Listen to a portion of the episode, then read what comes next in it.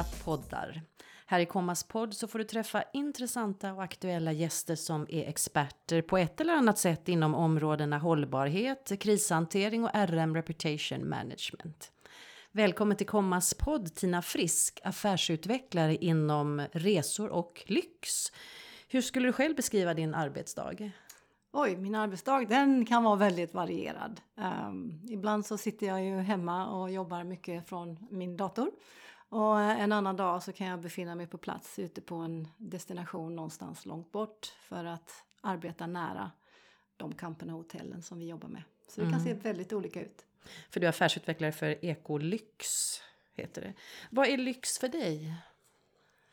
Ja, lyx är ju en intressant, ett intressant ord och alla definierar vi väl vår egen lyx då. Men lyx för oss på Ekolyx då, det är framförallt den här möjligheten som vi kan erbjuda människor att faktiskt få lov att besöka människor och platser. Det är en, en lyx för oss att verkligen se att man kan få lov att vistas på många av de här platserna och kanske också dessutom göra det med ett bra avtryck. Så lyxen för oss kan ofta vara just det avtrycket som vi lämnar efter oss när vi har besökt en viss plats och människor som bor där. Vi menar ju att, eh, att vi får lov att komma och välkomnas av människor på vissa platser som faktiskt vill ha oss där. Eh, och de platserna också arbetar på ett sätt som gör att vi kan bidra till att skydda djur och natur och dessutom då eh, stötta lokalbefolkningen. Det tycker vi känns väldigt lyxigt att vi får lov att göra det. Mm. Jag tänkte vi kan komma tillbaka till det sen, men hur började allting för din del? Ja, allting började nog eh, när jag tog ett uppdrag nere i eh, Kenya då. Eh, jag hade fått ett uppdrag som kampchef på en ekokamp eh, som då ligger mitt ute i Masai Mara som är ett stort ekosystem eh, i Kenya. Och där fanns det då du vet alla de stora vilda djuren, eh, den magiska savannen. The big five. The big five som alla pratar om. Det finns ju the small five och det finns the ugly five också. Eh, men där, där hamnade jag då som chef för eh, typ 30 massajer eh, och jag skulle då ha totalansvar för en, en turismverksamhet som då eh, skulle vara hållbar och verkligen bjuda gästen på eh, någonting speciellt. Alltså du skulle verkligen lära dig någonting och, och jag tyckte att det där kändes som väldigt spännande då. Så där började mitt eh, riktiga engagemang kan man väl säga. Jag tyckte att eh, uppdraget jag hade fått var så mycket mer än turism.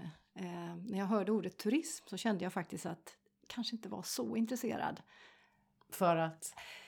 Jag såg det som något negativt. Jag såg att, att jag hade liksom sett baksidan av, av, av turism och jag, jag, var ganska kritisk. Men eh, jag fick ju ganska snabbt ändra mig. Jag såg det här bolagets då, eh, vision, vision and mission statement. Och, och då tänkte jag så här för mig själv, om jag kan vara med och bidra till 50 av allt det här på den här vision and mission statementen så har jag faktiskt åstadkommit något väldigt bra. Så det här var liksom en hybrid mellan business och bistånd nästan. Så såg jag det. Så Hur länge sedan var det? Detta var år 2001 då. Inte jättelänge sedan, men ändå ett tag sedan. Jag tänker mm. på hur, hur, utvecklingen har gått inom eh, turismen och eh, ekoturism och så. Ja, så du var, var med ju, från början egentligen? Ja, men vi var verkligen pionjärer kan man väl säga på plats där och vi, vi var väl med och satte den, en av världens första bästa ekokamper i världen då. Så den här kampen blev ju premierad med eh, fina awards och också certifieringar av högsta rang då. Så att eh, det målet satte vi väldigt tidigt att vi ville vara med och jobba för det och det gjorde vi. Jag läste på hemsidan att många av Ekolyx resmål ligger i känsliga ekosystem. Ska man eller kan man resa på ett ansvarsfullt sätt där? Svar ja. jag, jag, jag menar ju då att den här typen av eh, platser som du säger, som är känsliga. Det är oftast ja, de ni skriver är... ju det på hemsidan Absolut, också. Ja, men vi gör ju det därför att vi vet det. Det kanske många andra inte tänker att de är. Men vi vill ju lyfta fram att det är väldigt många ekosystem i världen idag som är känsliga. Och därmed är det ännu viktigare hur vi väljer när vi väljer att åka dit. Om du går in och googlar Masai Mara till exempel så finns det otroligt många hotell, camper och lodger du kan välja att bo på. Men det är ju långt ifrån alla de som faktiskt gör ett positivt avtryck och är med och bidrar. Hur ska man som resenär veta det? Ta reda på det? Ja, det, är, det är verkligen inte lätt. Eh, det har ju Om man skett, vill göra ett bra val? Ja, det har ju skett en hel del sån här greenwashing och eh, att man pratar väldigt mycket om, man är bra på att marknadsföra sig som ett grönare alternativ eller ett bättre alternativ. Men skrapar man lite på ytan så är det många som kanske faktiskt ändå inte gör det de säger. Så det är väldigt, väldigt svårt och jag tror att som, som, som resenär så är det svårt för dig att gå ut och börja titta på certifieringar och det ena med det fjärde. Utan det handlar väl om att hitta de som faktiskt kan det här, de som är experter och som, som har ett seriöst koncept och som är transparenta i sitt koncept. Så att du som resenär faktiskt kan förstå dig på vad jag då skulle bidra med om jag åkte på just den här resan. Så jag tror det handlar väldigt mycket om trovärdighet och transparens då. Jag pratade med några vänner som inte vågar lägga upp bilder längre från långresor för att de får dåligt samvete. Går vi åt det hållet? Känner du igen det? Ja, mm, nej, ja, absolut. Det är klart man inte har missat den debatten. Och, och det är ju någonting som vi på Ecolyx, vi har alltid sagt att självklart ska vi tänka oss för när vi faktiskt gör ett val att resa långt bort. Eh, att vi då unnar oss eller kostar på oss en flygresa. Det gör ju det ännu viktigare att faktiskt tänka på hur vårt avtryck blir när vi väl kommer fram. Eh, för detta kan ju på något sätt ändå balansera upp det som vi faktiskt har kostat på oss i form av CO2 till exempel. Men vi menar ju och tror kanske inte heller att det här helt och hållet kommer att avstanna, att vi kommer att röra på oss. Eh, och vi hoppas innerligt att vi fortsätter att röra på oss och resa. För det finns ju många andra saker som blir konsekvenser av att vi i så fall helt och hållet slutar resa. Det finns ju till exempel många communities eh, som, som lever på turismen.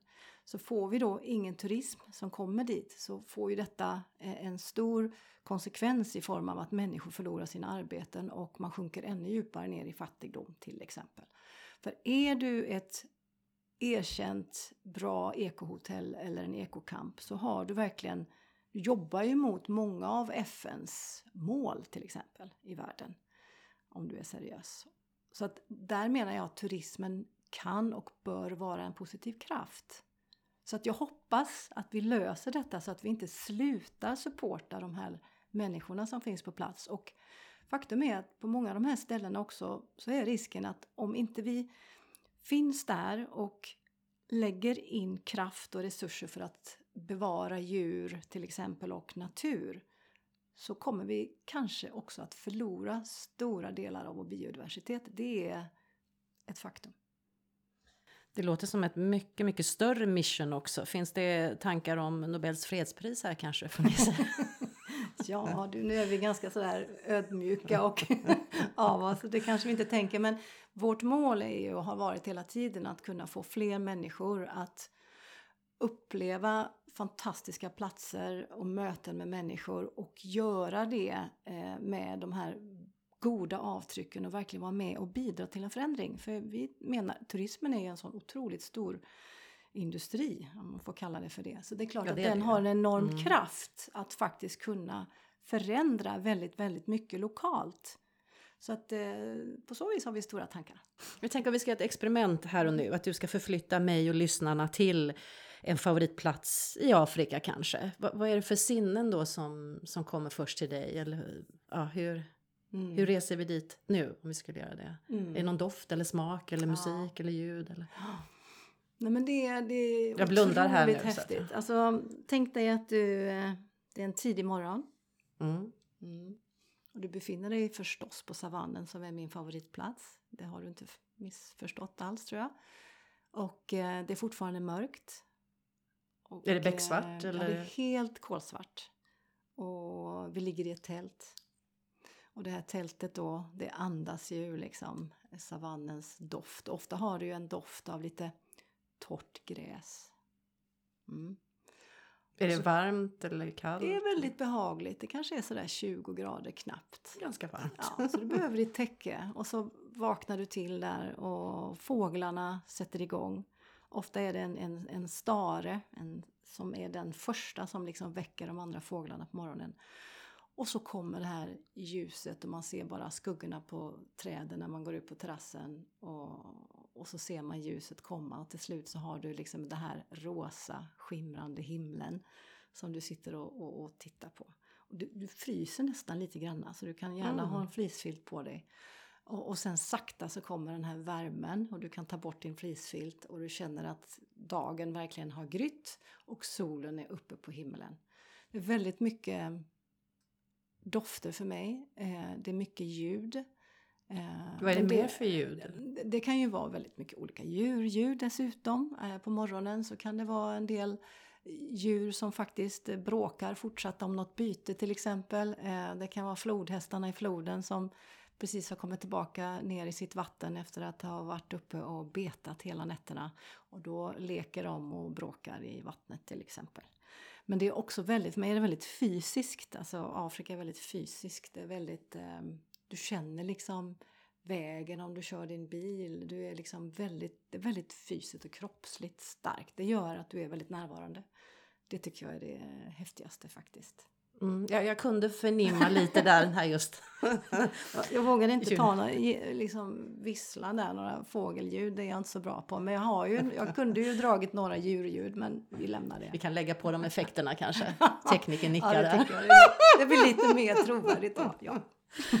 ja, är vi ute och reser så är vi. Men det har varit svårt att marknadsföra ekoturism under många år ändå. Vad tror du att det beror på?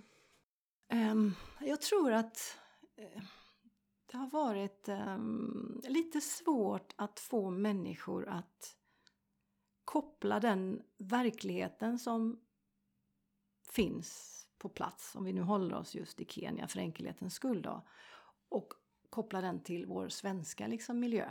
Jag har ju sett när gäster har kommit eh, blivit nyfikna om hur vi kan bedriva en verksamhet mitt ute på savannen på ett hållbart sätt. Och då har jag fått frågan, men hur är det här hållbart? Mm. Verkligen? Frågetecken, frågetecken. Jag såg ju detta och jag sa att men okej, jag kan visa.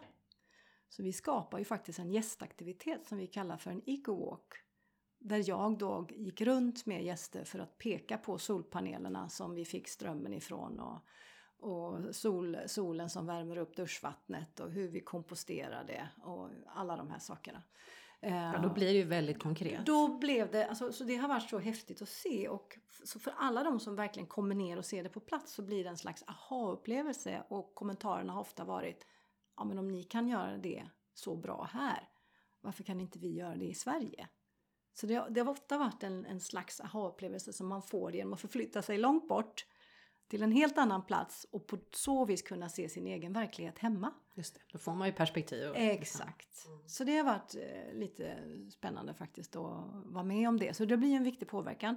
Men för de då som inte har varit där så, så handlar det ju om att genom konkreta exempel. Om jag är ute och berättar, eh, föreläser så försöker jag använda väldigt konkreta exempel då på hur vi gör saker och ting där nere.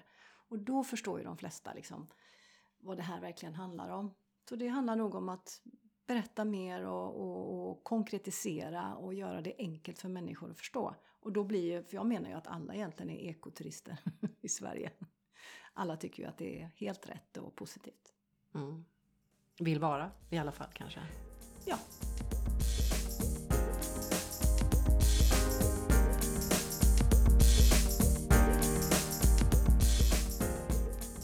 Tina Frisk, affärsutvecklare och partner för Ekolyx, är dagens Kommapodd-gäst.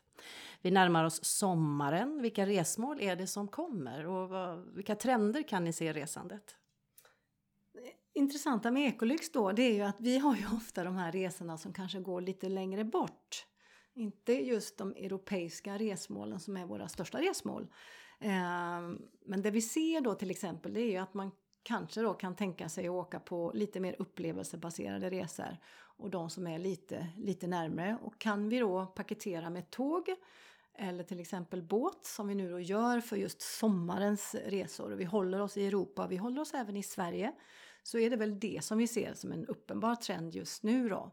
Um, annars så ser vi trender att människor verkligen vill uppleva det som är annorlunda och det som på något sätt kan påverka oss så mycket som möjligt rent mentalt. Då. Det är väl det som människor gärna vill se då när man åker ut. Om man nu kostar på sig en resa, en flygresa, eh, så vill man verkligen uppleva någonting som är annorlunda. Man kanske skippar den där vanliga solsemestern tror jag i framtiden och man kanske i så fall sparar ihop till att kunna åka på en, en längre resa som, som ger eh, lite djupare kanske upplevelse än, än, än eh, vad en sol och badsemester skulle göra. Måste det vara dyrt att ha ekolyx? Nej, alltså eko i sig är inte det som är dyrbart. Utan det är lyxen. Eh, det är lyxen, ja. Nej men eko, nej men det är det inte. Utan det jag skulle säga man i så fall betalar för, eh, det är ju det småskaliga då. Att här är det inga 300 bäddars eh, hotellkomplex. Det menar vi blir väldigt svårt att bedriva en bra ekoverksamhet om du är så storskalig. Utan de ställena som vi då handplockar för att säkra att det blir en speciell upplevelse som verkligen känns på olika sätt och där man kan lämna ett bra avtryck. Det är ju då småskalig verksamhet med kanske 50 bäddar max. Ehm, så att på så vis så förstår du att varje bädd kostar mer än om du har ett väldigt stort hotellkomplex. Det är då du kan få ner priset till exempel och du kan bo billigt. Men det kanske inte är just det som vi, som vi liksom fokuserar på utan vi fokuserar på att man ska kunna bo på ett småskaligt litet intimt ställe där man verkligen får kontakt med de som finns där. Det här är inget löpande band, ingen löpande bandverksamhet på så vis. De blir verkligen bemött som en gäst, inte som en turist. Har du aldrig känt en lockelse att vända på det och få folk att resa till Sverige istället för ifrån? Öka turismen till Sverige? Absolut. Eh, det är en jätteintressant tanke. Vi, vi jobbar mycket nerifrån eh, Kenya just nu och där har vi då eh, tagit ett steg mot att eh, faktiskt eh, hjälpa afrikaner att resa ut från Afrika. Och det är verkligen få som tänker så, utan det är alltid att världen ska till Afrika till exempel. Men nu tänker vi Afrika till världen och inte minst Sverige. Så vi har faktiskt öppnat upp kanaler för att eh, se hur vi kan få kenyaner som vill uppleva något som är exotiskt. Och då tycker de ju att ett land som Sverige är extremt exotiskt, för det är det ju faktiskt. Kan du berätta något mer där? ja, men om man tittar på norra Sverige så finns det ju väldigt många spännande som motsvarar lite grann safariupplevelsen egentligen som man gör, alltid har gjort klassisk safari nere i Afrika. Man kan ju faktiskt göra spännande safaris i, i norra Sverige och, eh, så där har vi en del eh, leverantörer som vi har arbetat med för länge sedan i Kenya som är experter på det och som har tagit det konceptet till Sverige. Mm, intressant. Mm. och det är många från Kina också som beger sig ut och reser mer och mer. Kommer det att påverka den globala turismen? Um, ja, det blir ju ännu tydligare att, att turismbranschen måste ta det här hållbara eh, perspektivet ännu mer eh, på allvar. Eh, för att det kommer sätta så mycket, ställa så mycket krav på turistverksamheterna runt omkring i världen. Att de faktiskt arbetar mot ett mer hållbart sätt. Så det är ju otroligt viktigt att vi faktiskt inser det. Och jag menar att det är högst möjligt att göra och det händer väldigt mycket på den, i, den, i den vägen då. Det finns fler och fler riktigt bra eh, hållbara turismdestinationer i världen. Och då pratar jag inte bara om ett, ett hotell i sig utan även destinationer, områden eller till och med land, länder ibland som uttalar sig så att de, att de ska satsa på hållbar turismverksamhet. Seychellerna är ett sådant område till exempel. De har då tagit beslut i den riktningen eh, och, och då ställer det ju krav på de hotellen som får operera i den miljön till exempel. Så det finns ett antal sådana platser som mer och mer satsar på hållbar turismverksamhet och då kan vi kosta på oss att kineser, indier, afrikaner, att all europeer, vi som alltid har rest, kan fortsätta att resa.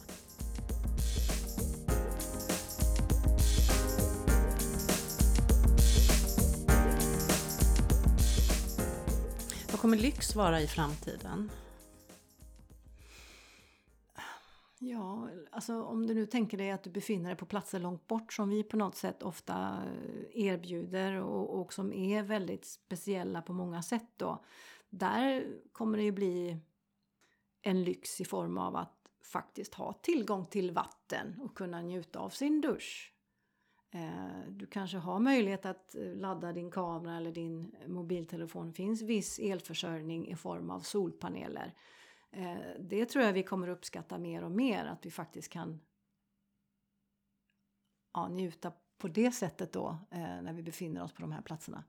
Men och jag tror faktiskt att i framtiden kanske man också kan se på hotellnotan så kanske det inte bara står hur många glas vin man har druckit utan kanske är det där också man får se du gjorde slut med så här många liter vatten eller så här få liter vatten. Grattis, du får bra jobbat. Eller du ja, men tillbaka gjorde till ja. avtryck. Ja, men det är det jag menar att man också ser att det kan reflekteras på det sättet. Än så länge är de flesta ekodestinationer camper, hotell och lodger kanske inte helt där, men om du tittar på den miljövänliga verksamhet som många av dem då faktiskt bedriver så skulle jag säga att många av dem är ju CO2-neutrala. På grund av det fantastiskt bra sättet de arbetar på med solpaneler för all elförsörjning, soluppvärmt vatten och alla andra system då som man har lagt på ett sådant sätt så att eh, ja, jag skulle säga att många är det. Men sen handlar det om att ha resurser då att faktiskt kunna mäta det på ett bra sätt. Har ni råkat ut för någon tuff motgång eller utmaning som egentligen var nödvändig för att ni skulle lära er någonting och affärsutveckla? Ja, um, det är ju det som jag tänker på och som, som jag tror jag måste nämna. Det handlar ju faktiskt om eh, ja, kulturell intelligens, om jag får använda det uttrycket. För att när jag tänker tillbaka på hur jag har arbetat och vad jag har liksom, när det har gått rätt och när det har gått fel så har det ofta varit min brist på kulturell intelligens. Och den, i starten när jag kom ner till Kenya och jobbade där nere på plats, eh, verkligen eh, mitt ute på en helt ny plats med ny kultur och nytt språk och nya koder, så var det just där det blev fel. Eh, och då tänker jag att detta är en, en intressant eh, del i vårt resande också, att vi faktiskt vi behöver ju en, en, en stark kulturell intelligens tyck, idag med tanke på hur globaliserad världen faktiskt är. Vi jobbar eh, Eh, mångkulturellt, vi jobbar i olika världsdelar och så vidare. Det är viktigt att vi faktiskt förstår oss på varandra. Och då, där begick jag ganska många misstag i början innan jag kunde liksom förstå hur man till exempel kommunicerar. Och det hade ju väldigt mycket att göra med att jag är svensk, vi har ett väldigt lågt auktoritetskomplex i Sverige medan man i Kenya till exempel har ett väldigt högt auktoritetskomplex vilket betyder att platta organisationer finns inte. Den typen av ledarskap är liksom inte lämpligt nästan mm. ens. Utan det handlar väldigt mycket om att följa protokoll, liksom, hierarkier och så. Och det tog mig ett tag och, och liksom, innan jag hade um, sett det och jag tyckte att det var väldigt svårt att hitta mitt ledarskap i en sån setting på något sätt. Så där tror jag att jag begick mina misstag med att jag förstod, jag hade gett, bett någon att utföra någonting och sen skedde aldrig det. Och då var, fick jag liksom nysta mig fram till att försöka få förstå varför inte det då skedde. Och det hade just med detta att göra skulle jag säga. Så väldigt, väldigt intressant. Ja, mycket intressant. ja. Och här i Komma-podden så pratar vi också om anseendefrågor och under våren så har det varit en debatt och diskussion om influencers, makt och omdöme. Hur arbetar ni med influencers? Ja, vi, det är intressant att du, att du frågar det. Um, vi var lite i valet och kvalet. Det var nästan som att man var tvungen att använda sig av influencers i en period. Utan dem så skulle man inte överleva. Eh, vi gjorde dock valet att inte använda oss av influencers och det gjorde vi nog mycket beroende på vårt koncept. Vi kände väl så att det är inte så helt enkelt att ta, sig, ta till sig det här konceptet på något sätt. Så vi var rädda att man skulle liksom kommunicera vårt koncept på ett felaktigt sätt. Eh, men framförallt så tror jag att vi, vi, vi ville på något sätt hålla kvar det ägarskapet till hur vi kommunicerar Eh, och i vilka kanaler och att det var vi själva på något sätt som faktiskt kommunicerade detta för att inte det skulle bli fel eller missuppfattas på något sätt. Så att vi valde att göra det på egen hand och har aldrig faktiskt använt oss av influencers. Vi menar att vi har våra egna influencers genom våra resenärer som har åkt med oss och de är våra absolut bästa ambassadörer för de förstår precis vad det handlar om. Så vi låter dem hjälpa oss. Mm. Och de blir ju influencers när det gäller De blir avtrycksfrågan också. Ja, i, de blir i det ju hela. det. Och det känns mer som en, en, eh, ja, en third party eh, liksom influencer som känns mer eh, äkta och trovärdiga som man vågar. Och just när det gäller anseendefrågan som blir allt viktigare så är just eh, att ha ägarskapet en viktig del också. Exakt. Så att det... Du har själv medverkat i SVTs program Familjer på äventyr. En del kanske känner igen dig därifrån. Hur var det att bli ett publikt ansikte? Ja, det är så skönt när man är långt bort och inte helt förstår vad som pågår. För det var faktiskt så. Jag har ju aldrig sett liksom, eh, Familjer på äventyr. Jag blev tillfrågad till första säsongen och jag sa blankt nej. Jag var helt ointresserad. Eh, och det- jag fick frågan så många gånger att till slut sa de att "Och kan vi få komma tillbaka till andra säsongen om det blir någon? Så sa jag visst, gör ni det? Och Utmattning. ja, ja, precis. Nej men jag, jag, såg, jag såg inte alls, jag hade inget intresse av att vara, bli en publikperson. Jag, hade, har inget behov av det. men när, under, när jag då fick frågan då satt jag faktiskt ute på savannen. Då bodde jag ute på savannen i tre månader tillsammans med min dotter. För jag hade bestämt mig för att placera mig i den miljön igen. Och då fick jag frågan. Och då tyckte mina Masai-vänner att, nej men Tina, det är klart du ska säga ja. Och jag bara, varför då? Jo, men då tyckte de att, ja men du kan ju berätta om Masai Mara och ekoturism och sätta Kenya på kartan. Självklart! så när jag började liksom se det från det perspektivet så tyckte jag att det kunde jag ju absolut göra. Och då hade de ett eh, hållbarhetstema under den säsong två. Så när jag fick liksom det eh, temat då presenterat för mig så tyckte jag att det kändes ändå intressant. De kanske hade anpassat temat efter dig. där. Kanske var så. ja, har vi ett avslöjande här i komma på den. Om du får drömma, vad gör du om 10-15 år? Ja, men då tror jag att Ekolyx eh, faktiskt driver eh, några egna superba ekohotell och lodger i världen på olika spännande platser. Där vi då har fått en, en eh, license to operate av lokalbefolkning och där vi jobbar i, på absolut bästa sätt. Eh, det ser jag som en, en, en dröm. Mm.